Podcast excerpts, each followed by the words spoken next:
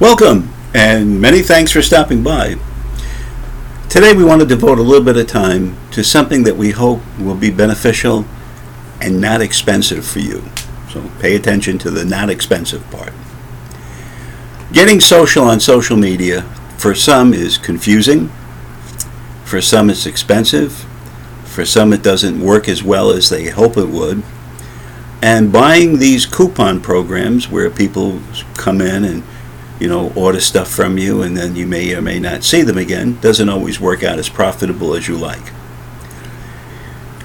We think that when social media works together with the business to come up with ways of enhancing the things that social media can do, that's when you become successful.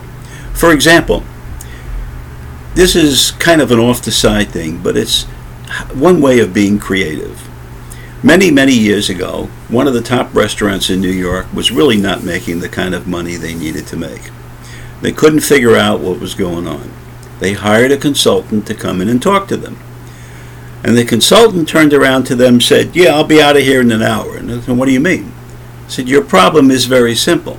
You're not selling enough add ons. And what's an add on in the restaurant? Dessert, coffee, drinks, so forth, soda, whatever. He said, What I'd like to do is get all your waiters and waitresses together, and I'd like to teach them how to do something. He said, What is that? At the end, when they go and ask, Is everything satisfactory? Or, you know, finished, and so forth and so on, the usual spiel that you give. What I'd like them to say to them is, Would you prefer coffee or tea with your dessert? Then be quiet. And they'll say one of three things I'll have coffee I'll have tea or no thank you. If they say coffee or tea, you give them a dessert menu. Show them the special for today. This is fantastic. You see, that's two yeses instead of one no. Would you like a dessert? No, that's one. Would you like coffee or tea with your dessert? Yes, coffee. Those are two yeses. It's easier. Point is, you can be very creative. For the average restaurateur, having a website or having a Facebook page is very good. But what do they do with it?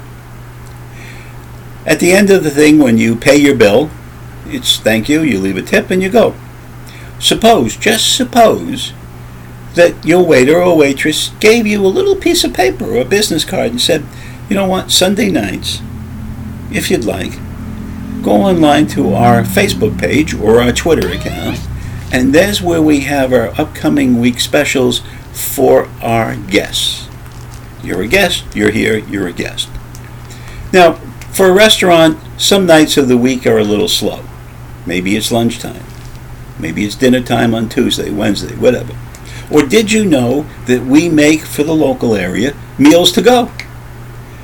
Yes, and we put them on our page, on our Facebook or Twitter page, every Sunday night, so you can plan for the week. Oh, that's interesting. Yeah, we'll deliver a meal to you. So all you have to do is open it up, maybe put it in a microwave or in an oven for a few minutes, and you're done. There are things that you can do inexpensively that are creative. You know, a business card, you put a couple thousand business cards in. Why not? You run a service business. The biggest thing about service business is when you see someone fixing an air conditioning system or somebody doing work on a car, is you hope they'll recommend somebody else to you. But that's a hope, you know. Hey, tell your friends. Hey, tell you what. Tell your friends about our oil change specials. They come and they get this special. We'll give you a free oil change. All they have to do is give us this card. You pass that card along. You know, in coffee shops, you buy 10 coffees, you get a free coffee, right? What if you bought five coffees and you got a free coffee? What's wrong with that? See, the idea is that if somebody's going to come in and get a coffee and sit down, maybe they'll also buy a donut or they'll buy something else or they'll bring a friend along. Bring a friend along. Get a free coffee and a free donut for them. Whatever the case may be. Be creative. Have fun. These are things that build businesses. When you use these coupon things, this is what some of the restaurateurs told us, they don't make that much of a profit on it, and they don't always see people back again to go and buy things that aren't on special, but they'll come back for the specials. Sometimes they'll buy extra, you know, add-ons like a drink, or they'll bring a friend along, or you know, etc., etc. The point I'm making is that when you work together with a social media expert who's really an expert in not just marketing the social media, I mean, there's a thousand geeks out there that can put you on social media, promote it, do all kinds of stuff, show you all these fancy paperwork, and that's good. But when you sit down and coordinate that effort, week in and week out, that's when we think you're really promoting your business. Does it mean it's going to generate, you know, untold amount of money? I don't know. But it means it doesn't have to be very expensive. If you go to one of our, you go to our site, you're going to see the spinning wheel. If you spin the wheel and put your email in, you'll get a discount 20%, 30%, 50%, whatever the case may be. So, whatever service you choose, you get a code, you can use it. The point that I'm making is that social media experts aren't experts in the things that you need to coordinate together to make it work. Did you ever see people standing in front of a store handing out free samples? That's good. But why not hand out a free sample with a car? Visit us on Sunday night at Twitter and see what kind of specials we have coming up for the week. And did you know that we run a cooking class to teach you how to use some of these things, how to make some of these specials? You can be as creative as you want. You can do it very inexpensively and very simply. You have a Twitter account. You don't have to spend a lot of money to set up a Twitter account. You have to have people visit it. Hey, come and see me Sunday night. Tuesday is a slow night. We'll make food to go. Just fax in or email us, whatever the case may be, before 10 o'clock.